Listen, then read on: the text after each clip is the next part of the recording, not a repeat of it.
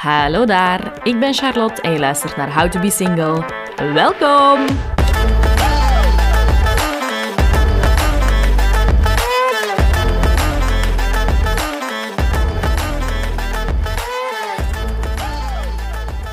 Je luistert naar How to Be Single, een wekelijkse podcast over het singleleven en hoe je daar het beste van kan maken. In de aflevering van vandaag komt dating- en relatie-expert Lara van Dongen langs en zij deelt haar kennis over heel wat dingen. We hebben het onder andere over circulerend daten, het grote verschil tussen mannelijke en vrouwelijke energie, je grenzen durven aangeven, onbeschikbare mannen en angst voor intimiteit en echt nog zoveel meer. Maar eerst vieren we de 50ste aflevering van How to Be Single. Want jawel hoor, alweer een, mijlpaal, de 50ste aflevering. Heel zot. Al 50 uur ongeveer. Het zal iets minder zijn, want de bonusafleveringen zijn korter. Al zijn er op sommige afleveringen ook wel langer. Dus uh, dat heeft elkaar misschien af. Maar laat ons zeggen, even afgerond, een vijftigtal uur dat jullie al naar mij en mijn uh, leuke gasten luisteren. Dus bedankt daarvoor. Kijk, kijk tof. Ik zou zeggen, op naar de volgende 50. Aflevering 100 wordt sowieso een dik feestje. Um, maar dat zal dus nog enkele maanden duren voordat we daar zijn. Ondertussen werk ik achter de schermen hard verder aan de How Single Christmas Month, want er gaat zoveel gebeuren rond kerstmis. Er is natuurlijk de Christmas Party op 20 en 22 december. Er zijn de kerstkaartjes die er deze week aankomen. Er is de How Single website die er aankomt. En er zijn ook nog wat extra dingen die er rond kerstmis aankomen, maar daar ga ik nu nog niks over vertellen. In elk geval wil je op de hoogte blijven van al die dingen die er aankomen, ga dan zeker volgen op Instagram, het to podcast, want daar komt alle info over al die kerstdingen. Als je vragen hebt, DM mij. En dan gaan we nu over naar de orde van de dag. Dat is de aflevering met Lara. Geniet ervan, word geïnspireerd, zorg goed voor jezelf, stap in de juiste energie en dan komt het allemaal goed. Daar ben ik zeker van. Veel luisterplezier. Hallo Lara. Nou ja, kan je mij horen? Ik kan je horen. Geweldig. Hoe gaat het? Heel goed. Ik uh, ben hier al lekker goed ontvangen met een theetje. En uh, in mijn hometown Antwerpen vind ik fantastisch ja, om hier zalig. nog eens te zijn. Welkom Dus, terug. ja, dank je, dank je. Ja, leuk. Ja, want ik ben natuurlijk van... de liefde heeft mij van Antwerpen naar Eindhoven gebracht. Ja, en ik reed net Antwerpen binnen en ik dacht... Oh, I miss this city. Dat was zo de mijn city van de singles tijd zo. De, de sex Zalig. en de city vibe. En uh, ja, ik heb uh, net nog in een story van mij gepost van oh, dit is de tijd waar ik echt een zotte tijd heb gehad toen ik single was. Zalig. Fantastisch. Ja, leuk. Oké, voor de mensen die u nog niet herkennen van uw stem, kan je even vertellen wat je doet en, en, en waarvan mensen u eventueel zouden kunnen kennen? Ja, en mijn naam is Lara, dus uh, moest je het nog niet weten. Ik uh, ben dating- en relatiecoach en als achtergrond ben ik uh, psychologe. Ik help dames met succes in de liefde. En dat doe ik door mijn zeven stappen methode. Um, ik help zowel single dames als dames die in een relatie zijn. Dus single dames die zoiets hebben van, ik ben uh, single en het lukt mij om een of andere reden nog niet om uh, die partner aan te trekken, maar het is wel een verlangen van mij. Maar ook dames die een relatie hebben en die zoiets hebben van, oh, het loopt gewoon niet vlot. Die vonk en dat vuur, dat zit er niet meer in. Uh, hoe kunnen we het anders doen? Ja. ja. En ja, hoe zouden mensen mij kunnen kennen? Via de Lara's Liefdeschool podcast zou kunnen. Maar uh, ook natuurlijk via een van mijn trajecten die ik aanbied. Of via uh, mijn community. Dus kan op, of via Instagram, kan Mhm. op alle vlakken. Of voor de mensen die nu in Eindhoven wonen. Misschien mijn buurvrouw. dus, Hallo uh, buurvrouw. Ja, hallo buurvrouw, inderdaad. Ja, oké, cool. Dus eigenlijk, ik praat hier over how to be single. Jij praat over how to be in a good relationship. Kunnen we het zo samenvatten? ja, of ook how to be how to be single ook wel. Maar weet je, het, is, het lijkt nu alsof, uh, alsof het het ultieme idee is van... Wauw, ik, ben, uh, ik ben single en het ultieme doel is die relatie. Mm. Maar ja, zoals we dat zelf ook weten, de basis ligt vooral bij onszelf. En uh, ja, misschien heel raar, maar dames die bij mij een traject volgen... Dus ik merk meestal mijn acht maanden trajecten bijvoorbeeld... En dan zeg ik altijd, van, dan zeggen ze, ja Lara, jij moet ervoor zorgen dat ik morgen, um, allee, morgen of binnen een paar weken of binnen een paar maanden eindelijk niet meer alleen aan de kersttafel zit, maar uh, dat ik mijn partner heb. En dan zeg ik eigenlijk, ja, jij bent eigenlijk niet bij mij om die partner te ontmoeten. Hoezo, zeggen ze dan? Want jij, jij bent ook dating- en relatiecoach. Maar dan zeg ik van, als jij binnen in jezelf bepaalde dingen gaat aankijken, bereid bent om, om te gaan kijken wat je nu blokkeert om van punt A naar punt B te komen, iets wat binnen in jezelf zich nu afspeelt dan gaat die man als vanzelf op je pad komen of zo. Mhm. En dat klinkt zo raar, want veel mensen zeggen dan van... Ja, moet je wel op zoek gaan naar de liefde? het gaat niet echt over op zoek gaan naar de liefde, maar op zoek gaan naar jezelf. Ja. Ja, cool. Dus het feit dat ik, om even kort door de bocht te gaan, Ah, dat ik lekker. soms wel graag. het feit dat ik al zes jaar single ben, ligt niet aan het feit dat er geen mannen rondlopen die geschikt zijn voor mij, maar ligt aan het feit dat er bij mij nog iets. Geblokkeerd is. Ja, dat is nu heel zwart-wit gezegd natuurlijk. Hè. Maar het is wel zo, uw man bestaat al, hè. die is al geboren, hè. die is er al. Gezien wel, ja. Laat ons hopen. Maar, en, en dat gaat misschien zo, want ik kan me voorstellen als je de eerste keer hoort over waar ik praat, dat je nu denkt van, oh my god, dat is zo'n uh, wierookstokjeswijf. maar wat ik daarmee bedoel is, ehm, ja, heel kort door de bocht ook, en nu dat we toch kort door de bocht gaan, het niveau of de energie waar dat jij nu op vibreert, dat matcht gewoon nog niet met de energie waar dat uw man, uw toekomstige man op vibreert. En dan is het van, oké, ehm, ik spreek altijd over een emotieladder en je hebt een bepaalde treden op een emotieladder. En de eerste vraag om jezelf te stellen is, oké, op welke treden sta ik nu? Als je dat op internet bijvoorbeeld opzoekt, dan gaat je dat ook wel vinden, de treden van een emotieladder. Dat is ook bijvoorbeeld van Abraham Hicks, moet je maar eens opzoeken. En dan kan je voor jezelf detecteren, oké, op welke treden van die emotieladder sta ik? En waar ligt nu mijn vibratie? En als je op die onderste treden van die ladder staat, is eigenlijk het enige wat je moet doen, oké, hoe kan ik een stapje hoger op de volgende treden? En wat is de stap op de, de volgende treden op de ladder? En dat klinkt nu zo wat plastisch als ik dat zeg, maar ik ben er zeker van dat als jij daar voor jezelf mee aan de slag gaat, dat je energetisch ook die partner in je leven gaat aantrekken. Ik ben zelf ook vijf jaar single geweest, zelf in Antwerpen. dus, ehm, en ja, ik heb dat straks, voordat we begonnen aan de podcast, ook tegen jou verteld, hè, van ik was single in Antwerpen. Op een gegeven moment had ik een date met een man die uh, bleek dat hij een relatie had. Ik zat in, ons, in mijn favoriete restaurant in Antwerpen. En uh, ik zat Uit bij welk? Mijn, ja, dat ga ik nu niet zeggen. Want, Allee. dat ga ik nu niet zeggen. ben zo benieuwd. Ja, dat zal ik straks achter de oké, wel zeggen. En, uh, en dat, dat is... Ja, dat was dat moment dat wij... Ik zat daar en we waren eerst iets gaan drinken. En daarna waren we in Antwerpen, dus gaan, gaan eten. En toen kwam de ober naar ons toe en toen zei hij van... Um, hey, ik ga, ik ga nu ook zijn naam niet noemen, want hij zei... Ja. hey, um, hoe is het met uw vrouw en kinderen? Dus ik zat op die stoel en ik dacht, hoezo vrouw en kinderen? Ja. ja, we hadden vier dates gehad. En uh, ik had zoiets van, ja, er was ergens wel al een moment geweest dat je mij dat misschien kon vertellen. En ik reed dus naar huis en ik had zoiets of ik ging met een taxi naar huis, dat weet ik nog. En uh, ik kwam aan op mijn appartement en ik dacht, ja, hoe kan dat nu? Hoe komt dat nu in godsnaam dat ik altijd van die mannen heb? En Mm. dat kan toch niet zijn dat heel de wereld bestaat uit slechte mannen? Want dat is gewoon niet zo. Er zijn heel veel goede mannen. Maar ik trok die gewoon niet aan. Mhm. En dat was een beetje het begin van mijn reis naar... Oké, wat maakt nu dat ik vijf jaar lang al heel veel doffe ellende heb in het single zijn? En ik weet, als je naar luistert, is dat misschien ook herkenbaar voor jou. Hè? Dat je zoiets hebt van, ja, het lukt mij gewoon niet. Mhm. Uh, ben ik te ambitieus? Ben ik te kieskeurig?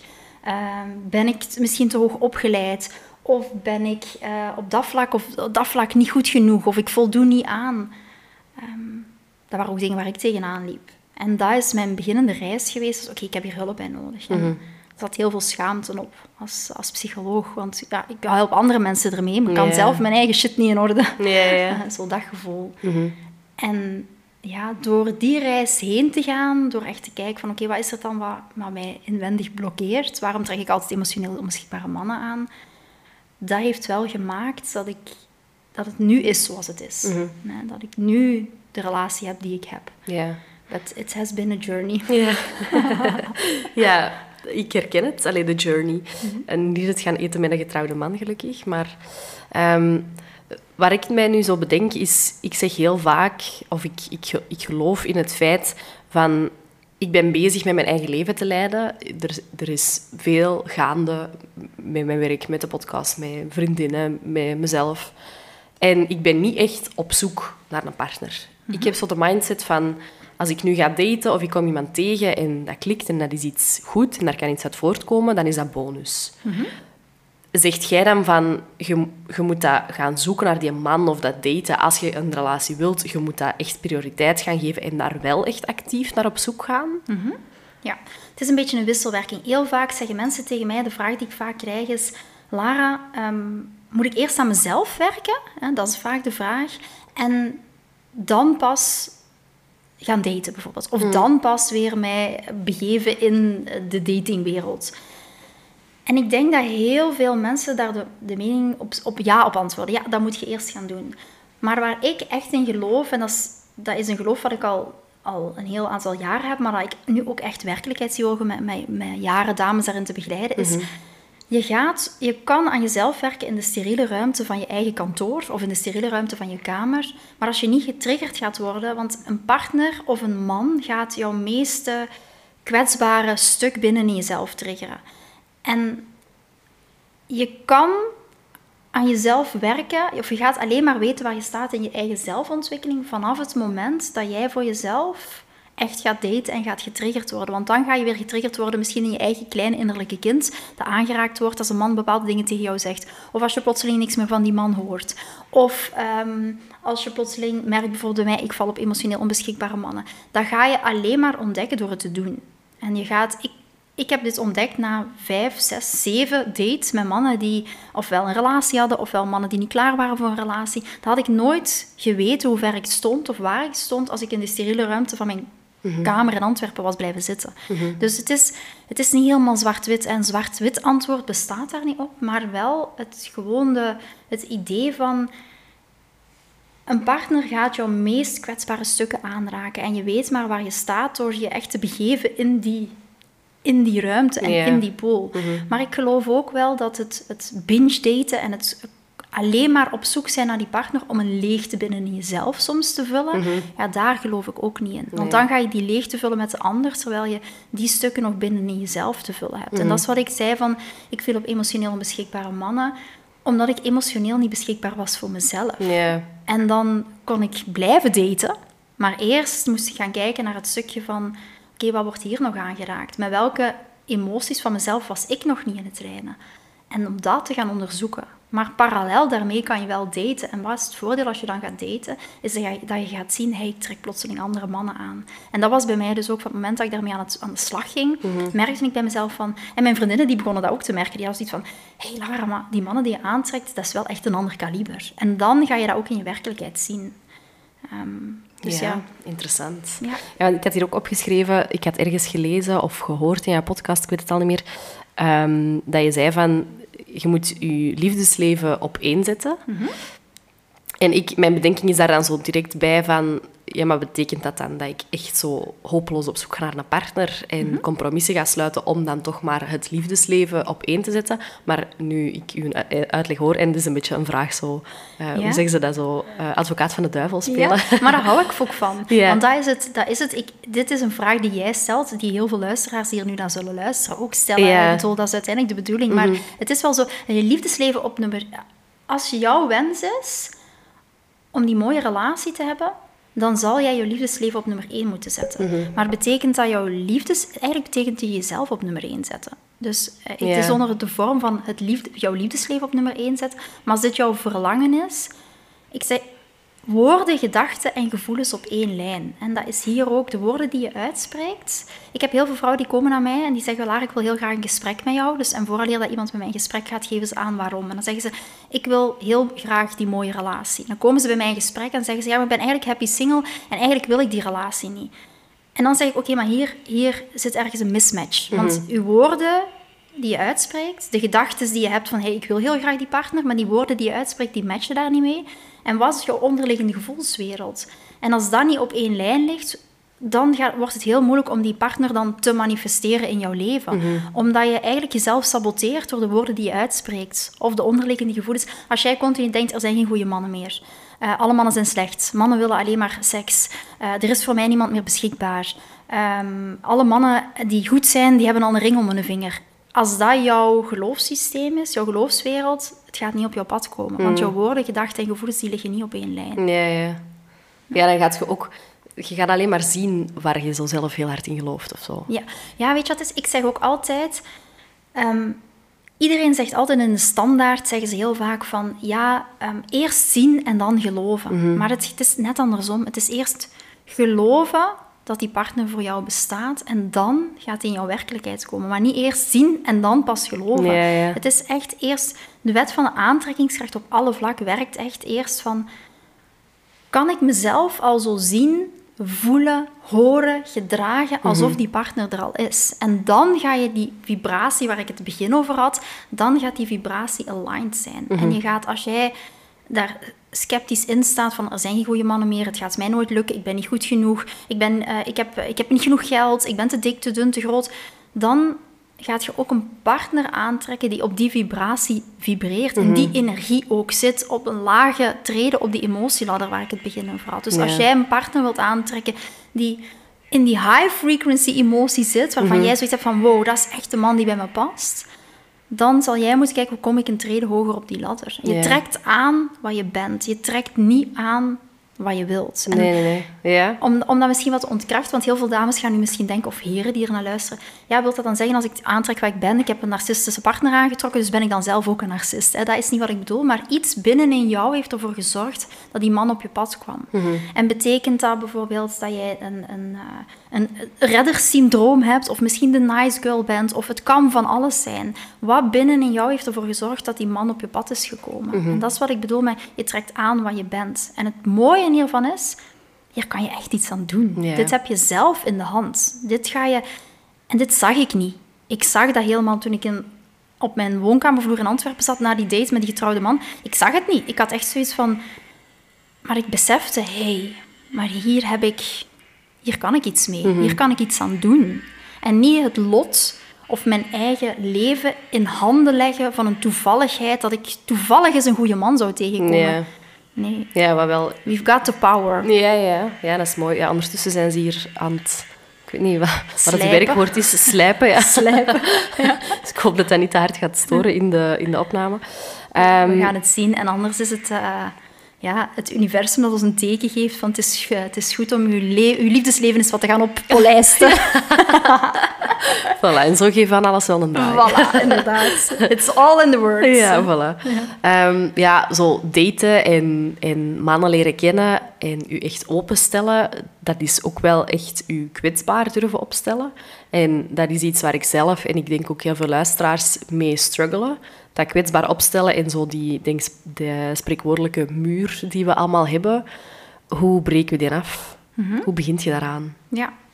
ja, het is zo, als je kijkt naar eh, kwetsbaar zijn. ehm, kwetsbaar zijn is eigenlijk het stukje, het open houden van je hart.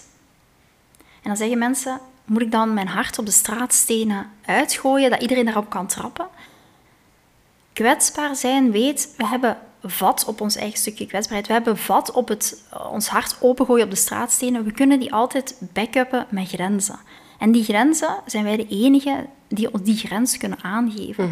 Maar waarom geven we die grens heel vaak niet aan? Omwille van ons eigen gewonde kind, omwille van angst voor afwijzing. Als ik, ehm, als ik mijn hart openzet en iemand trapt erop en ik geef mijn grens aan, dan gaat die man misschien verdwijnen. Dan gaat hij mij niet meer leuk vinden. Dan ehm, is er angst om niet goed genoeg te zijn. Dus vaak vergeten we van, hey, het is, we kunnen ons hart openstellen, we mogen ons hart openstellen, want we kunnen die altijd backuppen met onze eigen stevige grenzen. Maar we durven onze grens heel vaak niet aangeven uit angst van, oh, ik vind dit is, dit is mijn man, ik vind hem fantastisch, ik vind hem leuk, deze man is leuk. Dus ik ga mijn grens niet aangeven, want dan gaat hij misschien weg. Dan gaat hij mij misschien niet meer leuk vinden. Dan ga ik afgewezen worden. En dat is wat er heel vaak achter ligt. Dus als je moeite hebt met kwetsbaar zijn of die muur afbreken, vraag jezelf dan eens af, oké, hoe kan ik dat backuppen met grenzen? Hoe kan ik mijn hart weer openstellen, maar weten, hey, ik heb hier zelf controle over, over hoe mijn hart ligt open, maar ik kan altijd kiezen voor, oké, dit is mijn grens. En die mag je en kan je ook echt wel aangeven. Maar dit is zo herkenbaar, want ik was de always nice girl en de altijd ja-knikkende en de altijd, eh, ik beweeg overal in mee, want eh, ja, kijk eens hoe een catch ik ben. Ehm, vanuit dat principe. En dat is wat er heel vaak achter ligt. Vanuit angst om die persoon aan kwijt te raken. Want dit is mijn, de enige man die ik de afgelopen jaren ben tegengekomen die ook wel echt heel leuk is. Ja, ja. heel herkenbaar wat je nu zegt. Ja, en dat is een tekort energie. En we willen, Ja. net, gaan, we willen net gaan voor een overvloed energie. En Mhm. wat bedoel ik met over... Maar ik, ik heb er altijd zo'n metafoor voor. Je gaat naar de winkel en je ziet eh ene keisappige mango en je wilt die mango. Je denkt, ja, dat is mijn enige mango. Maar stel je voor eens dat die winkel vol ligt met allemaal sappige Dan heb je de keuze. Dus je hebt ook... Er zijn heel veel goede mannen. Mhm. Er zijn, maar als jij gaat daten met de, met het, vanuit het tekort van... Dit is mijn de enige man... En dit is de enige man die voor mij zal bestaan en dit gaat mijn man worden dan is dat ook een onderliggende energie, waardoor dat je die man weer gaat afstoten. En Ja. dat is echt hoe dat, hoe dat het energetisch onderliggend ook werkt. Ja, ja. ja, en dan kom je ook in de situatie terecht dat je heel veel gaat toelaten, dat je die grenzen gaat laten, er laten overlopen, dat je compromissen gaat sluiten en dat je excuses gaat verzinnen voor de andere persoon. Ja. En dat, En dat je jezelf dus gaat verliezen. ja, inderdaad. Ten koste van de ander, omdat je de ander wilt laten zien hoe goed jij bent. Maar dat is pure mannelijke energie. De ander laten, laten willen zien hoe goed je bent, dat is een controle-energie. Dat is mannelijke energie, dat is een verwachtingsenergie. En ik geloof dat wij vanuit onze vrouwelijke energie alleen maar moeten zijn. Wij moeten alleen maar zijn. Wij moeten alleen maar onszelf zijn. En, dan ga, en het enige wat wij moeten doen is heel mooi onze eigen, ons eigen tuintje heel goed bewateren. Met innerlijk werk, met goed te kijken naar oké, wat speelt zich af in onze eigen binnenwereld. En als we dat maar bewateren en bewateren en bewateren, dan gaat er echt wel een mooie bloem uitkomen. En daarop vertrouwen. En als je zaadjes in een bakje plant en je zet dat op je vensterbank, ehm, je geeft dat water en je vertrouwt erop dat daar bloemen gaan uitkomen. En Wat gebeurt er in ons liefdesleven? Ehm, wij gaan daten en er gebeurt niks en het gaat niet goed. En er die zaadjes ook, dat heeft tijd nodig voordat die zaadjes naar boven gaan groeien. Maar wat gebeurt er? Ja, het valt tegen. Ja, ik stop er maar mee. Het werkt niet. En dan gaan we terug naar wantrouwen. En wantrouwen is weer een lage vibratie-energie. Dan zit je weer niet in het vertrouwen. En hoe meer dat jij in het vertrouwen kan blijven staan, it's gonna happen. It's done. It's, it's already done. Weet je, die partner is er al. En in dat vertrouwen kan blijven staan. Bij die bak met, met zaadjes gelooft je ook, ik geef dat gewoon water en dan gaat iets uitkomen. Mhm. Maar in ons liefdesleven blijven we niet in dat vertrouwen staan. En dat is het verschil tussen dames of heren die succesvol zijn of niet succesvol. Kan jij dat in dat vertrouwen ook blijven staan? Dat die zaadjes daar echt wel gaat uitkomen als jij jezelf maar blijft bewateren. Ja. Oké, ik, wil, ik wil sowieso zelfs nog even dieper ingaan op die vrouwelijke en mannelijke energie, want dat vind ik echt super interessant. Ja. Maar waar we, waar we het daarnet ook even over hadden, over die, die grenzen niet genoeg afbakenen en jezelf verliezen. Ik was vanmorgen nog aan het luisteren naar een van uw podcastafleveringen, waarin het ging over ehm, wat doet je als je een man tegenkomt of met een man begint te daten die zegt van ja, ik ben niet klaar voor iets serieus, ik ben niet klaar voor commitment. En ik hoorde nu zeggen in de podcast van ehm, je bevindt je op gevaarlijk terrein, je kiest eigenlijk de weg naar een gebroken hart. En dat kwam bij mij best wel hard binnen, omdat ik dat nog niet zo lang geleden ook echt zelf heb gedaan.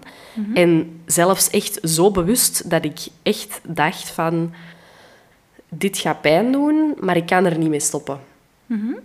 Ehm, Je bedoelt dan dat je iets had met een man die tegen jou zei van ik wil geen relatie. Mhm, en ik je wil- bent er wel mee doorgegaan. Ja, dus die zei, ik wil niks serieus. Ik had gezegd van, ik vind u wel leuk en hè, allee, gewoon, it's out there. Ik wilde dat Mhm. Ja. vertellen, om, zwart, het is een heel verhaal.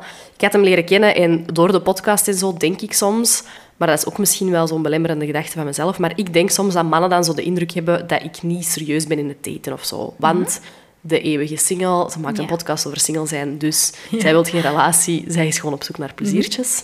Wat soms ook wel zo is. Mhm. Ja. Maar dat maar terzijde. dat mag ook niet. Ik heb hier ook in Antwerpen happy single. Ja, Eh, Ik heb alle kanten van de kamer gezien. Voilà, voilà. Letterlijk en figuurlijk. Ja.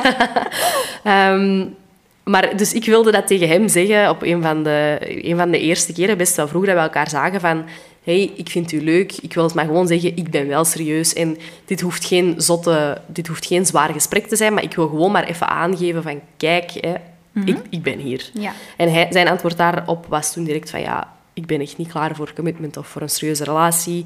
Ik vind u ook heel leuk, maar het gaat nooit gebeuren. En ik weet dat ik toen naar het toilet ben gegaan en echt zo bij mezelf heb gedacht van oké, het beste wat ik nu zou kunnen doen is zeggen van ik ben weg en het is klaar. Maar dat ga ik niet doen, want ik vind die man heel leuk en ik wil kijken wat er nog in zit.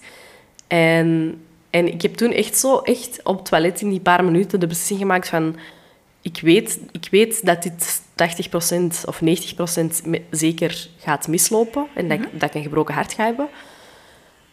Maar ik ga toch, ik ga toch kijken wat, wat er is. Ja. En dat is echt iets, ik heb daar in de podcast ook al vaker over verteld, iets wat ik merk dat bij veel vrouwen leeft, of bij veel luisteraars leeft. En mijn vraag aan u is, waarom doen wij dat? En hoe verklaart je dat? Want ik op zich, ik ben echt wel bewust single en ik ben ook bewust bezig met zelfontwikkeling en zo. Maar waarom maak ik dan toch eigenlijk heel bewust wel die keuze om toch mezelf eigenlijk te gaan bedriegen. Het is natuurlijk zo, het is ook omdat je waarschijnlijk, hè, ik vul het nu een beetje voor jou in, weerleg het, je ontmoet een man, je vindt hem heel leuk en dat is vrij zeldzaam waarschijnlijk. Ja, klopt. En, uh, en dan heb je zoiets van, oké, maar deze wil ik vasthouden. En de tweede gedachte is, maybe he changes his mind Mm. als hij ziet hoe geweldig ik ben. Ehm, ik denk dat dat er ook veel achter ligt. En ergens, vaak ten derde, waar ik zelf ehm, het perfecte voorbeeld van ben, maar ik ook heel vaak zie gebeuren met mijn dames, zit daar onderuit toch nog iets van de liefde voor jezelf. Als jij volledig 100% van jezelf houdt, dan ga je zoiets never, ever, ever accepteren. En dan geloof je wat... Ik zeg altijd, geloof wat een man tegen jou zegt. Want ik zie zo vaak gebeuren dat dames dan daar toch in meegaan en dan het gevoel hebben, oké, ik zit nu eigenlijk wel in een relatie, want hij, hij belt gewoon en hij spreekt af. En dat ze dan tot een punt komen, soms zelfs na een jaar, van, ja, maar ik heb je toch gezegd vanaf het begin, ik ben nu met iemand anders aan het daten, ik heb toch van gezegd vanaf het begin dat ik geen relatie wilde. En dat is hetgeen waar dat we, dat we, daar komen we dan achter, na zoveel maanden, met heel veel tijd van, van onszelf, van onze eigen tijd kwijt te zijn. En dat is wat ik zeg, onderliggend zit er nog iets van, ehm, waarom kies je voor iets wat onbeschikbaar is. Het kan ook zijn dat er onder, onderliggend nog een... Dat is ook vaak een symptoom voor een angst voor intimiteit, misschien nog bij jezelf. Hè. Als je dan spreekt over angst voor intimiteit, waaronder bindingsangst, verlatingsangst ook vallen, maar er zijn zoveel, dat is een heel groot spectrum aan angsten, met twee uitersten aan één kant. Hè. Op chemie gebaseerde liefde kan daar bijvoorbeeld ook een onderdeel van zijn. Of mannen heel snel afwijzen, kan daar ook een angst, kan er ook een angst onder liggen. Ehm, waarom doen we dat? Is echt omdat we iets binnen onszelf toch zoiets heeft van... ehm, durf ik echt duizend procent echt voor mij te kiezen. Ik, kies, ik koos altijd opnieuw voor emotioneel. Ik had een, uh, een man die tegen mij zei, ja, ik wil bij mijn vrouw weggaan voor jou. Kent je de, de ever never ending story? Ja. En, en ook op dat moment dacht ik, ja, dat gaat hij doen. Mm. Dat gaat hij doen. Terwijl op dat moment had ik ook moeten weglopen. En ik Ja. zie bijvoorbeeld met... ehm, ja, ik, ik vertelde ook in mijn eigen podcast... Als ik kijk naar mijn eigen relatie, Chris en ik, wij zijn in september getrouwd. Maar ons begin was ook heel tumultueus. Hè. Chris die kwam uit een langere relatie. ehm, was daar nog niet heel lang uit. Ik denk een jaar. En toen hebben wij elkaar leren kennen. En we waren denk ik zes maanden samen. En ik had altijd het gevoel tijdens die zes maanden van... Weet je, Ehm, het gaat wel loslopen, maar op een gegeven moment merkte ik, ik zit in de wachtkamer. Hè, van ook van, ik weet niet of ik er al klaar voor ben, hè, weet je, dezelfde. En op dat moment, natuurlijk omdat ik al met dit werk bezig was, heb ik gewoon heel duidelijk gezegd, oké, dit is niet wat ik mezelf gun en dit is niet wat ik wil. En ik heb er van de een op de andere moment echt de stekker uitgetrokken. Ja. En Chris is daarna teruggekomen, na drie maanden pas. Ehm, en ik was toen ook al aan het circuleren daten. Dus ik zei ook van, ja, super tof, kom erbij in mijn cirkel, maar eh, ik wil eerst kijken of dat jij nu echt wel voor een commitment wilt gaan. En dat heeft ervoor gezorgd, zie je, die, we we hebben het over het open hart gehad, we hebben het over grenzen, echt voor jezelf, een grens stellen van oké, dit is mijn grens en ik neem geen genoegen met minder. En dat heeft ervoor gezorgd dat ik nu de relatie heb met Chris die ik heb. Omdat hij weet, ze is elk moment bereid om een andere keuze te maken. En dat is niet vanuit ehm, iemand voor een voldongen feit zetten, maar wel de, het bewustzijn van, hey, Lara staat voor Lara nog steeds op nummer één. En het signaal wat je aan zo'n man geeft van... Oké, jij zegt dat je geen relatie wilt, maar ik ga wel met jou mee en kijken wat er van gaat komen, is het signaal dat je aan die man geeft, is ik hou eigenlijk niet genoeg van mezelf, want ik kies eerder voor jou en wat jij wilt en hoe jij op dit moment in het leven staat, dan dat jij kiest voor Charlotte of kiest voor Lara of kiest voor jou. En dat is het signaal wat je geeft. En dat bedoel ik met, het is sowieso een gebroken hart. Want stel nog dat hij op een gegeven moment toch zou zien hoe geweldige catch dat je bent en hoe fantastisch, dan is dit ook een dynamiek die later in je relatie nog gaat meeslepen. Want het is het signaal dat je al geeft van, hey, jij bent eigenlijk belangrijker dan ik. Ja. Ja. Het is wel in your face. Het is confronterend, maar Het is weet je wat wel is? confronterend. Charlotte, ik heb dit proces zelf meegemaakt. Dus ik weet, het, bij mij was dat ook in my face. Mhm. Maar het is wel zo, je kan hier iets mee. En je, omdat het over jou gaat. Mhm. En of, of dat het toen over mij ging. En dat is het mooie. Wij kunnen alleen maar aan ons stukje iets doen. En de man die voor ons zit, die zal dan de verantwoordelijkheid moeten nemen voor zijn stukje. Ja, ja. Maar hoe meer dat jij die zaadjes bij jezelf plant, hoe meer dat je dat ook in je werkelijkheid gaat zien in de mannen die je aantrekt in je huidige relatie. Mhm. En dat is het mooie. We got, we got the power. Het enige wat we, doen is, wat we moeten doen, is die power terugclaimen Ja. voor onszelf. Ja, en claimen klinkt zo negatief, hè, maar dat is wel wat we mogen doen. We hebben als vrouwen, en dat is misschien een message, hè, we hebben als vrouwen zoveel kracht. En ik ga nu een woord gebruiken wat negatief is, maar zoveel macht. Alleen in de dynamiek tussen mannen en vrouwen gebruiken we dat niet. En gebruiken bedoel ik niet op een negatieve manier, maar durven we die power niet meer pakken. We hebben wij, wij, met onze sensualiteit, onze seksualiteit, ons vrouwelijk lichaam, onze vrouwelijke energie, hebben we zoveel power en kracht. Maar we zijn die op een of andere manier, omdat we natuurlijk in een mannelijk paradigma zijn geboren, in een mannelijk paradigma zijn grootgebracht, zijn we die kern zo verloren. En we mogen die echt terugclaimen vanuit kracht aan de buitenkant, grenzen aan de buitenkant, maar ook, en, en ook aan de binnenkant die zachtheid, maar ook die kracht die je mag voelen. En daar mogen we nog veel meer aanboren. En daar wil ik misschien vrouwen mee inspireren van, als je gaat daten, zie, zie jezelf niet als, ik zit hier als een sollicitant, maar eerder als de persoon van, ik neem nu deze sollicitatie af. Weet je, show me what you got, baby. Ja. Weet je, vanuit die impuls. En maak jezelf niet kleiner dan je bent. Nee, en, en dan komen we even terug bij het begin van het gesprek waarin dat je zei van je liefdesleven op één zetten is eigenlijk jezelf op één zetten. Die kracht en die macht dan, zoals dat je het daarnet benoemde. En het feit van ik ga hier dat sollicitatiegesprek nu afnemen, bij wijze van spreken, en laat me maar eens zien wat je hebt. Dat kun je alleen maar als je heel sterk in je schoenen staat en inderdaad heel zelfzeker bent en heel veel zelfliefde hebt. Ja. En jezelf op nummer één niet zet, maar echt durft te zetten. De moed Ja. om dat te doen. En kunnen kijken naar jezelf en te zeggen van...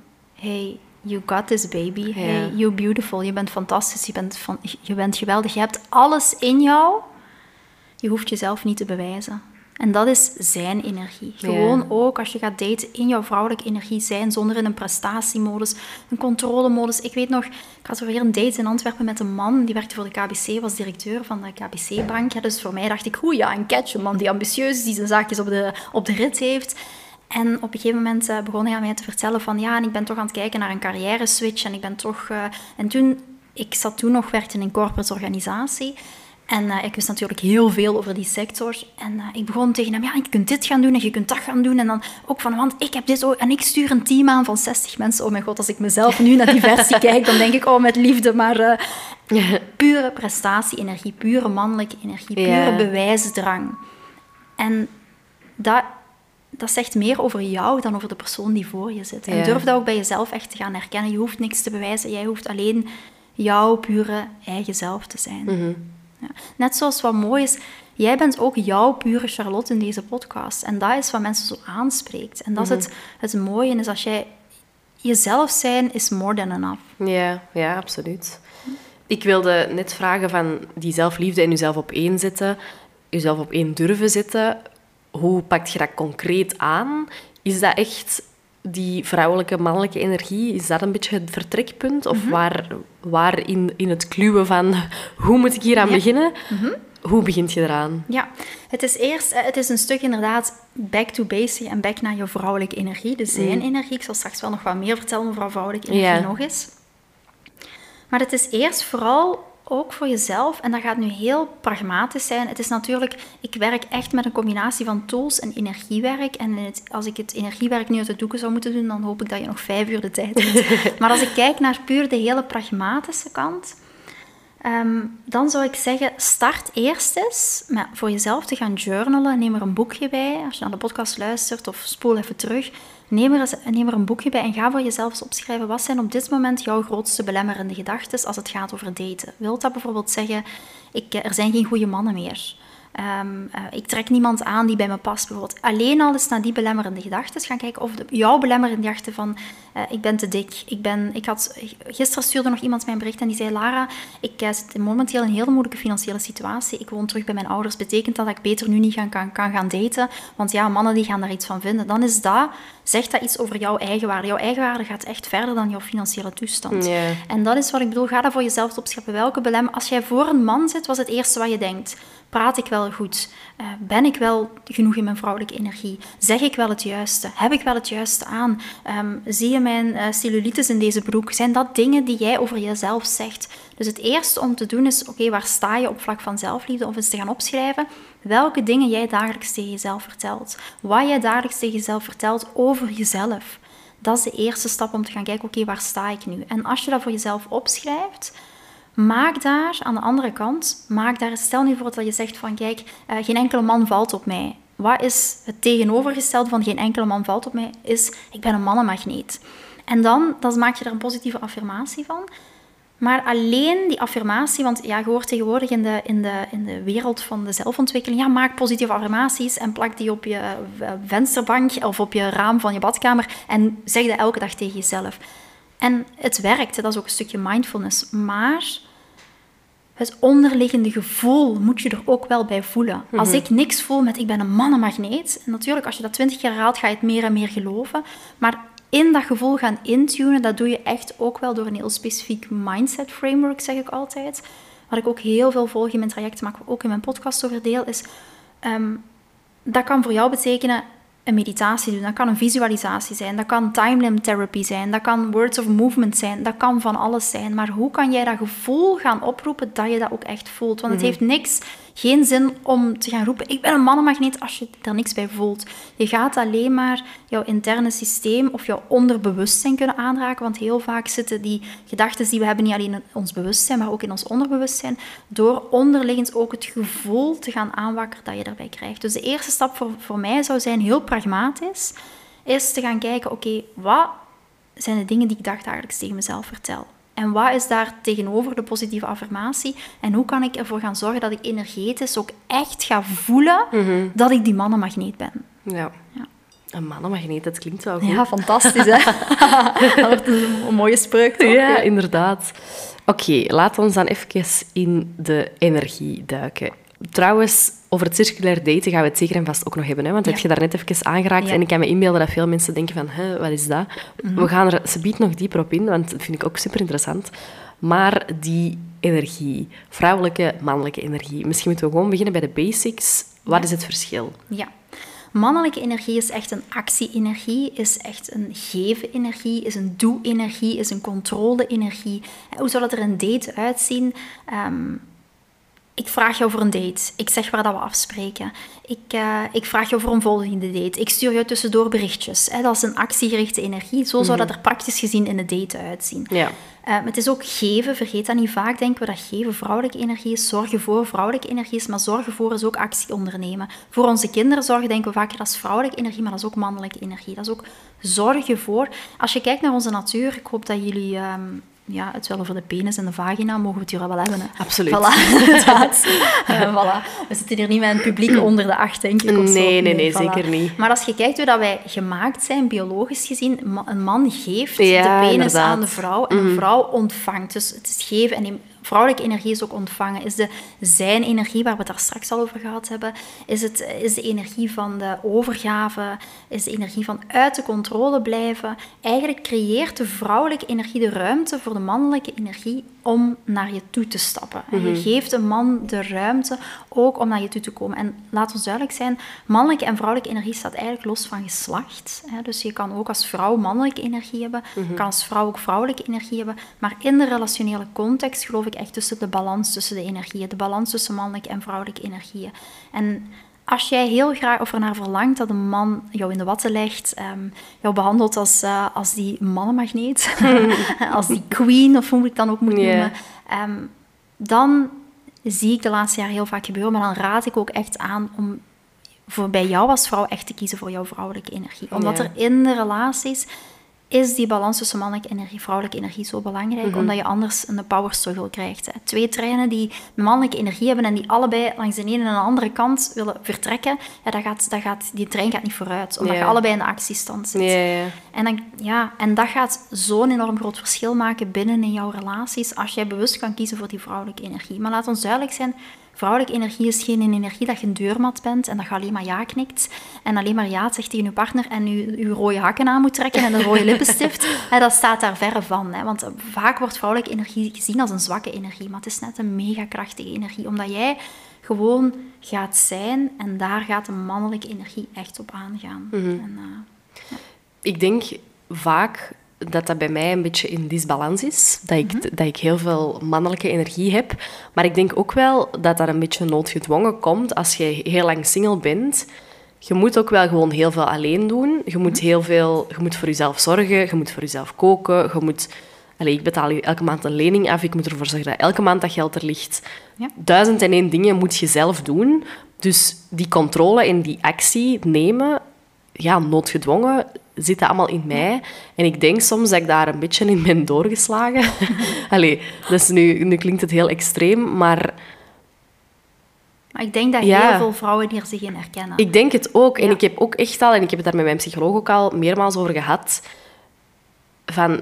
En ook door naar uw podcast te luisteren, heb ik, denk ik echt van in het daten en zo, en ook op datingapps, ik probeer echt zo in die vrouwelijke energie te gaan staan en, en laat maar komen. En, maar ik, heb echt, ik moet dan echt mijn controle, neigingen en zo echt onderdrukken om toch niet het heft in eigen Ja, handen om toch te niet die met die kraag te pakken en zeggen, hé manneke, kom eens hier. Ja, eh, we die gaan- zever, ik ga het hier even oplossen. Ja. Maar ook weet, weet ook dat vrouwelijke energie niet betekent dat je volledig gaat platliggen en niks gaat doen. Want ik Nee. spreek altijd over een 70-30 balans. 70% aan de man, 30% aan de vrouw. Het is niet 100 en 0. Dus we mogen zelf ook initiatief nemen, hè, maar dan altijd wel in die balans. Maar ik denk dat heel veel vrouwen zich hierin herkennen. Hè. Ik ook. Ik ben eh, eh, nu moeder, ik zit ook heel veel in de actie-energie. Ik heb een business, ik heb van alles, Mhm. eh, waar ik ook mannelijke energie voor nodig heb. Laat ons duidelijk zijn, mannelijke energie is niet slecht. Dat Nee. betekent ook dat wij hier nu zitten, dat we een afspraak hebben gemaakt, dat we deze podcast opnemen. Daar hebben we mannelijke energie voor nodig. Vanuit vrouwelijke energie, it's not gonna happen.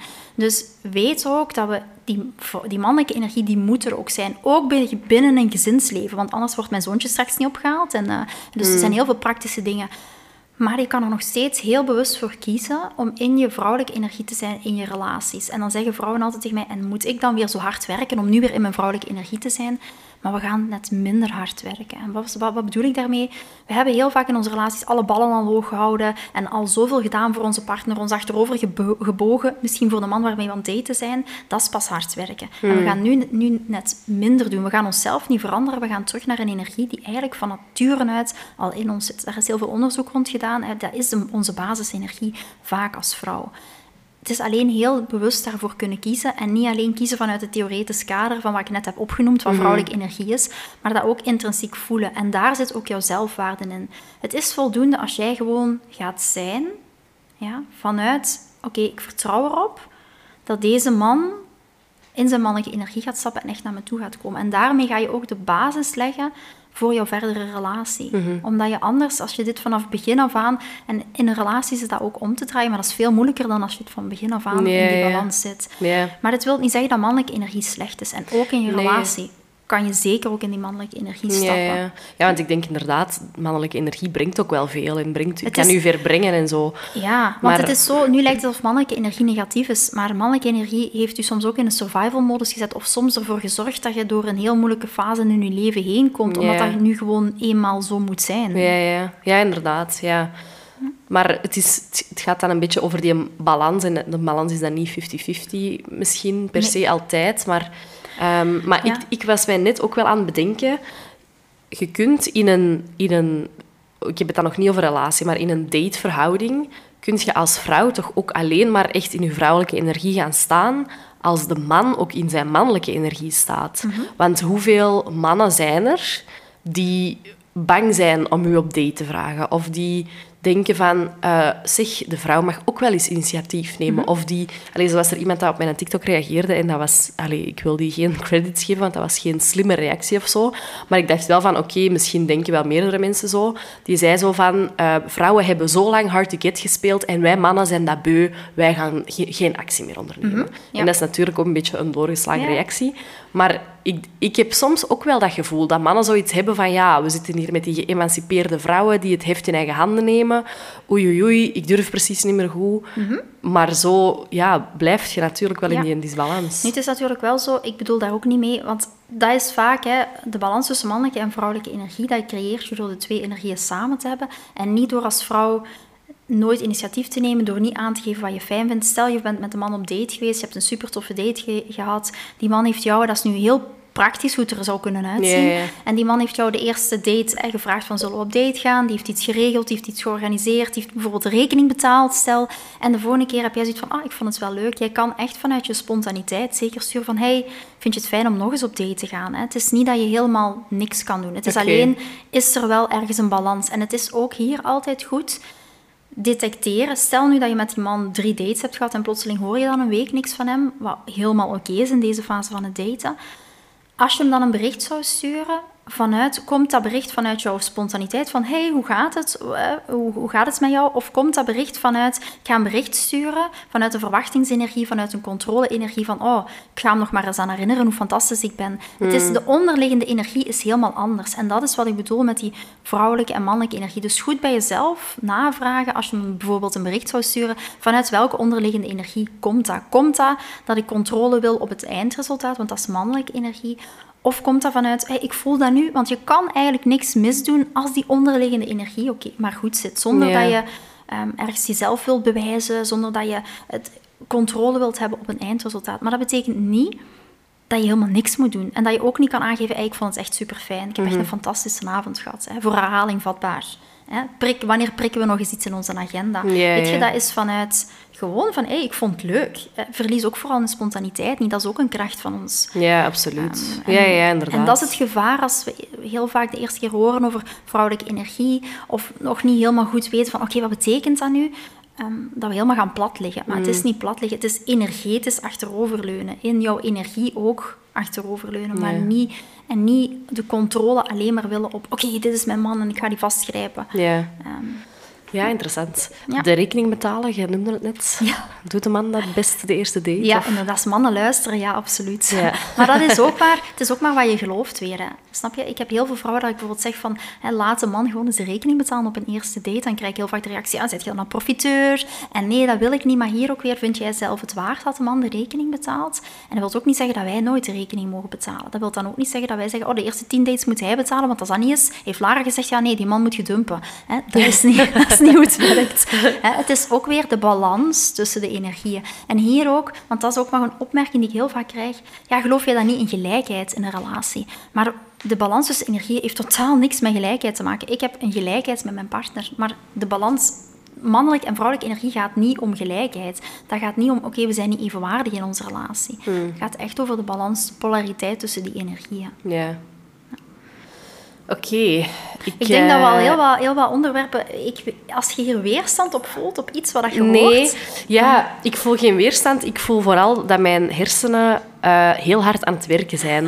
en ik ben heel de tijd aan het denken van... Oh, ik moet over dan een boek kopen. En ik moet over dan een boek kopen. En ik, ga, oh, ik moet die podcast luisteren. En- Ja, ja, ja, ja. Dus het geeft heel veel inspiratie. Allee, Mhm. Het geeft heel veel... Ja, ik denk veel herkenning voor veel mensen. En ook wel ergens een, een duidelijkheid of zo, een helderheid. Het zou natuurlijk heel handig zijn als de, hele, de gehele single bevolking hiernaar zou luisteren. en dat we allemaal een beetje op elkaar afgestemd geraken. Voilà, dus mannen, als die er nu naar luisteren, weet, het is eh, de eerste date. Ja. Ehm, de, de rekening, dat mag. Wel, hè, ja. Dat mag. Eh, en je stelt als vrouw dan voor van...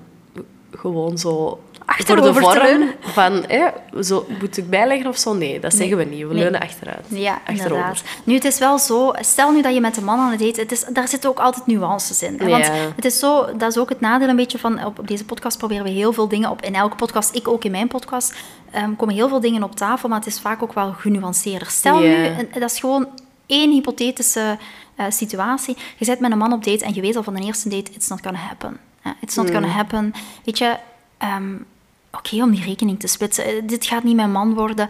Weet je, die, die rekening split hem dan als het op dat moment goed voor je voelt. Dus blijf ook wel goed bij jezelf intunen. Oké, wat wil ik? Ja, ja. En wat wil ik in deze? Maar het is maar... Ik gun jou echt een man waar dat je mee samen bent die echt een overvloed mindset heeft. En dat heeft... Dat gaat niet alleen maar over de rekening betalen. Je kan ook aan een man aangeven van, kijk, eh, lieve schat, ik vind het super om met jou te daten. En dat die man bijvoorbeeld aangeeft, ja, het is voor mij misschien wat duur. Of eh, ik kan dat niet elke keer.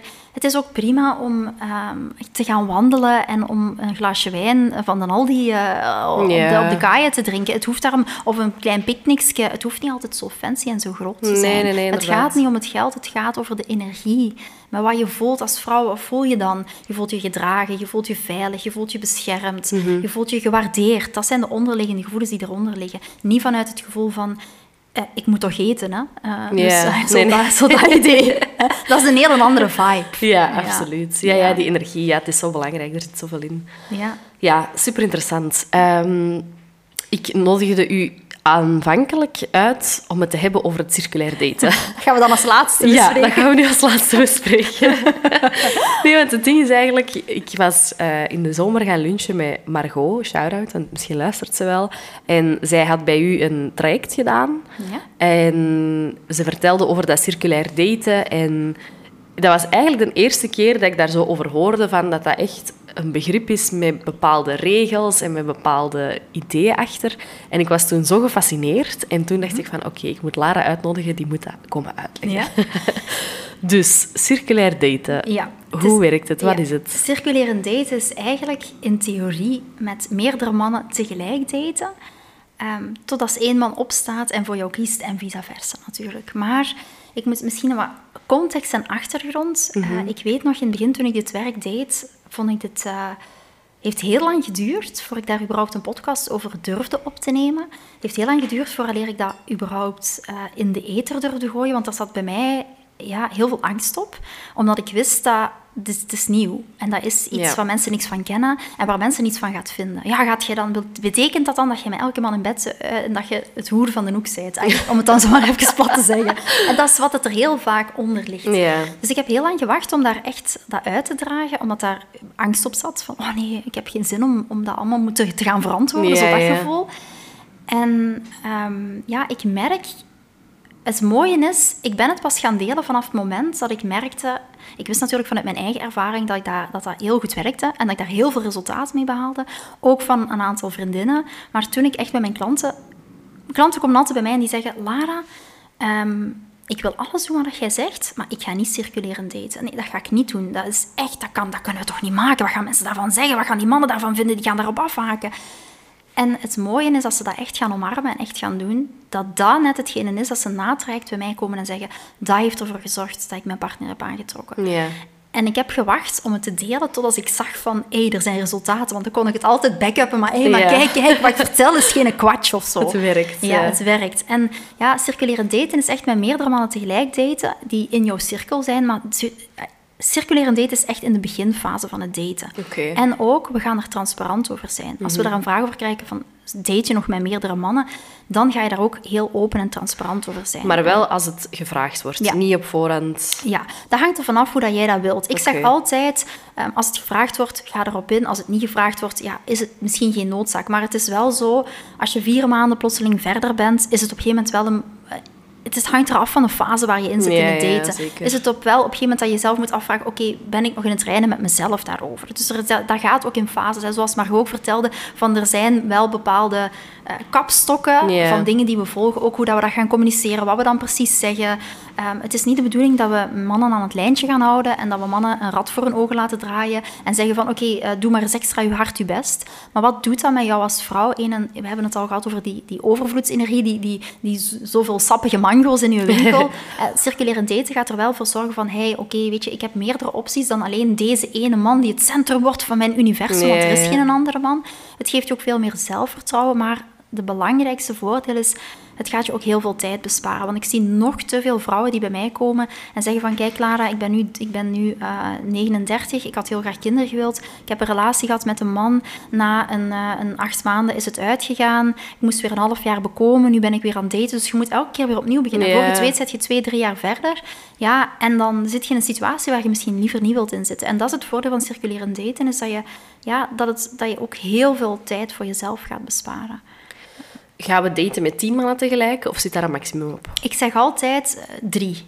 Oké. Ehm, maar het is zo, wat gaat er gebeuren? Soms gaat je met drie mannen circuleren daten en plotseling vallen op een week die drie mannen ook af, om van een of andere reden. Dus het kan ook soms zijn dat er niemand in zit, dan weer één, dan weer twee. Dus, maar ik heb gewoon gemerkt dat als je met vier mannen tegelijk is, één, heel veel. Je raakt er zelf van overprikkeld. Uh, je moet een Excelje bijhouden. Ja, wie heeft wat gezegd? Van wie heeft nog wat gezegd? Maar, maar hey, ik heb dat dus meegemaakt. Ik wou het net zeggen van... lijkt me ook wel heel intens, hè, want je zegt het is tijdsbesparend, maar het lijkt me dan wel even dan een bepaalde periode heel intens. Want ja, Mhm. ik vind met één man daten soms al veel gevraagd. Laat staan met drie. Maar ik heb dat dus eens gehad, dat ik zo op een paar weken tijd met twee mannen aan het daten was. Ik had met allebei twee dates gehad. En ehm, ik hoop dat ze niet luisteren. Hoe, hoe, noemden ze weer? Wat is hun naam? Ja, maar je moet ik wel echt gaan terugdenken. Ik zou zelfs hun naam even niet meer kunnen zeggen. Maar zwart, met een ene was Geen ik... goede Excel bijgehouden. Nee. Met een ene was ik... eh, ik weet die naam nog wel, hè, maar ik zou gewoon even moeten nadenken. Ja, ja, ja, ja. ja. Huh? Beste We got the point. Dus ik was met een ene iets gaan drinken en in een cocktailbar en die zei zo van ah, ik zit niet graag met mijn rug naar de, naar de zaal, naar de ruimte. Ik wil Mhm. graag zitten met mijn rug naar de muur of zo, dat ik een overzicht heb. En ik zei, ah, ik heb dat ook. Ik wil ook graag. Dus wij zijn naast elkaar gaan zitten. Fantastisch. En, Als je nu luistert, je weet wie je bent. en de week erna ging ik dus met een andere gast op date. En wij gingen lunchen. En ik, ik was als eerste op de plaats. En eh, ik zat al. En ik was dus met mijn rug tegen de muur gaan zitten. Waardoor dat hij echt met zijn rug naar de ruimte moest gaan zitten. En die gaat dus zitten. En ik zeg zo van... Ja, hè, nu moet je wel met je rug naar de ruimte gaan zitten. Eh, hè, zo wat met een, met een zwans van... we hebben het daar pas over gehad. Maar dat was dus die andere gast. En die zegt zo... Allee, zo, die reageert echt zo keidroog zo... Ah, maar ik vind dat niet erg. En ik lach zo wat van... En toen dacht ik zo, ah shit. Maar ik denk niet dat hij dat ooit geweten heeft. Maar dat was toen wel echt een gênant moment. Omdat ik echt zo dacht van, hier is onze eerste inside joke. Maar dat was Dat dus was helemaal dus niet. maar ik heb dat ook gehad hoor. Ik, was, eh, mijn, ik weet zijn naam nog, met Steven heette hij, was ik aan het daten. En ik was met twee Stevens tegelijk aan het daten. Oh, nee. Maar die, ja, en de ene Steven, die had, vond ik echt best wel, voor mij origineel, maar dat is mijn humor. Die had zo de eerste of een tweede keer op een dating app had hij gezegd van, ja, Mai, je hebt wel eh kei mooie oorlellen. Dus ik had zoiets van, oké, dat is geen standaard. Dus was ik ja, met, met hem gaan daten, was echt super tof. Maar toen was ik ook dus met een andere Steven aan het daten. Dus, en op een gegeven moment eh, zitten we ook dus in een restaurant en hij zei ik van, eh, ik zeg, eh, ja, en nog eens bedankt voor dat compliment over mijn oorlellen. Maar dat was dus een andere Steven, dus die keek me echt zo aan en zegt, oorlellen, oorlellen. En ja, toen werd ik natuurlijk knal en knalrood. Oh, nee. En toen dacht ik, oh ja, hoe moet ik dit? Dus ben ik wel snel over iets anders begonnen. Dus dat is wel herkenbaar. En dat is wel natuurlijk soms wel wat nadeel van circulerend daten.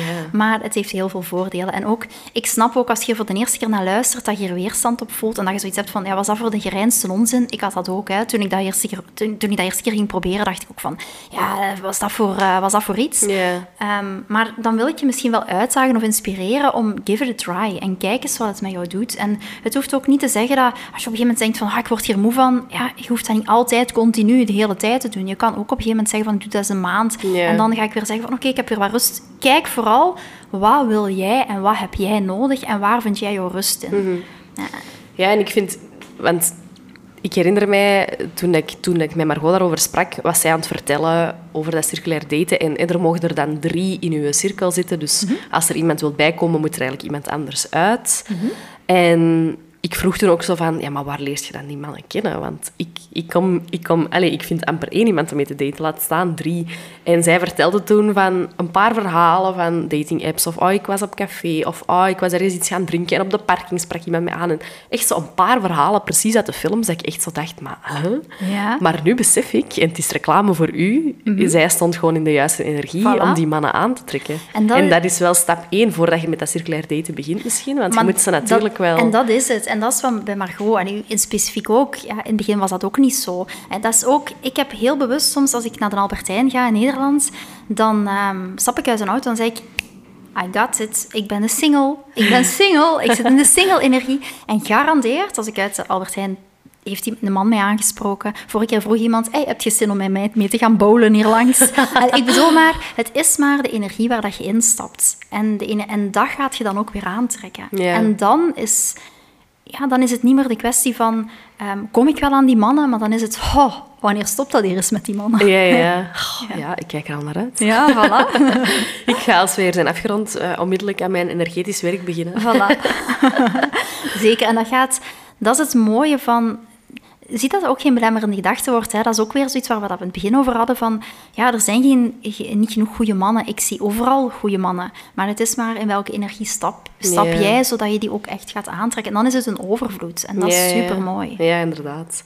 Bij dat circulair daten of circulerend daten zijn er dan een soort van regels van zoveel dates en dan moet je een beslissing maken? Of blijft dat gewoon kabbelen tot mhm. er ik zeg altijd, eigenlijk in theorie, maar weet je, het, nadeel hiervan is, ik probeer eigenlijk energetisch werk in een theoretisch kader nu te gieten. En niet alleen nu, maar dat doe ik ook in mijn cursussen om een beetje een framework te hebben van oké, dat zijn de, de bewegingen die je kunt maken. Dus ja, het, het, wanneer stop je met circuleren daten? In theorie, totdat er een relatiegesprek is geweest van zijn kant, waar de man naar voren stapt en zegt, hey, um, wil je mijn vriendin zijn? Hè? Mhm. Dus een beetje de oude stempelidee.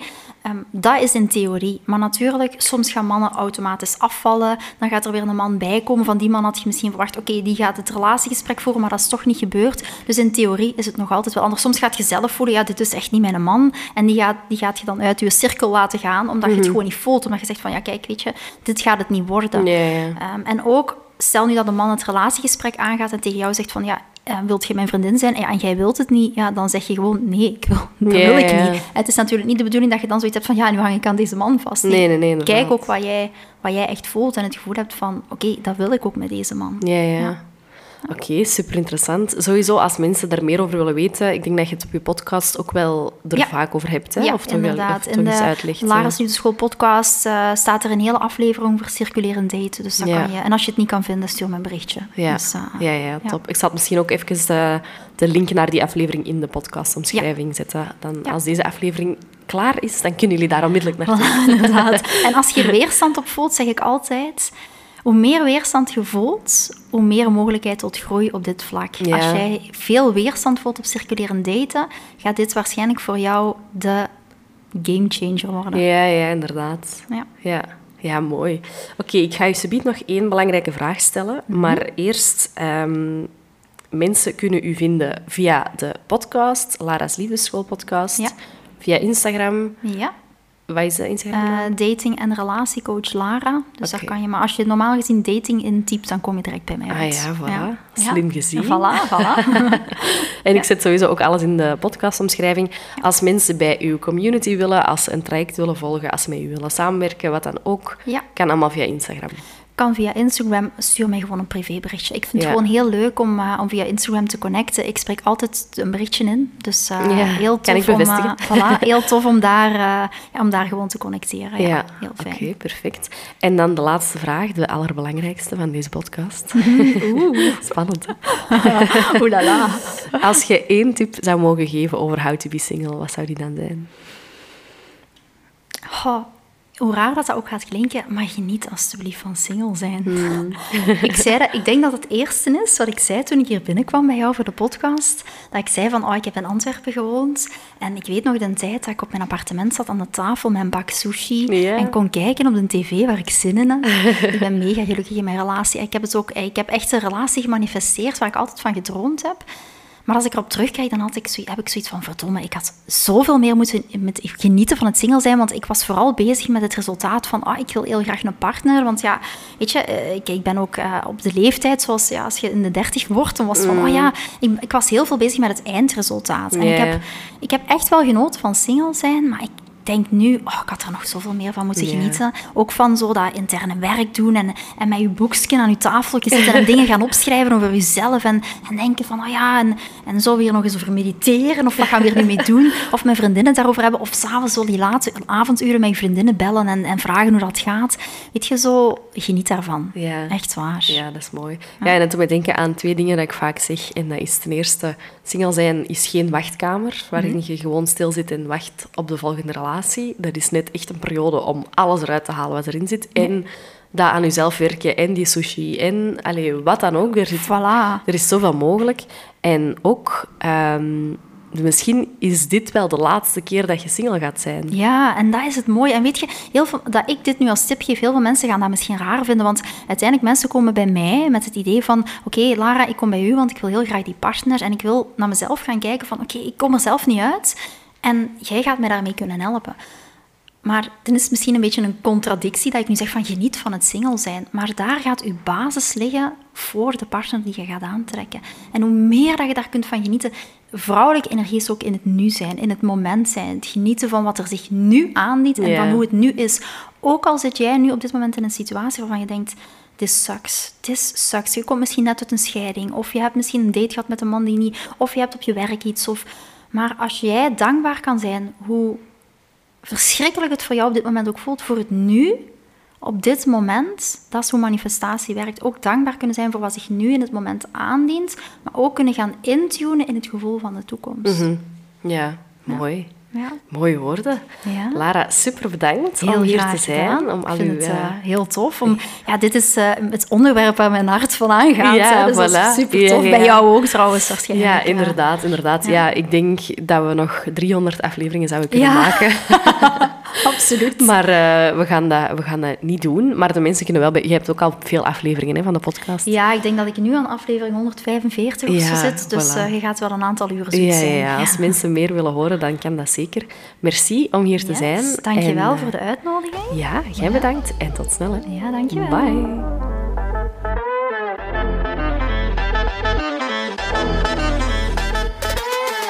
Bedankt om te luisteren naar How to Be Single. Genoten van de aflevering? Abonneer je dan op de podcast, laat een goede rating achter en deel het op je socials, zodat nog meer mensen hem kunnen vinden. En vergeet me zeker niet te taggen en te volgen op Instagram via @howtobesingle. Heb je ideeën, tips of gewoon een goed verhaal? Slide in my DM's. Talk to you soon!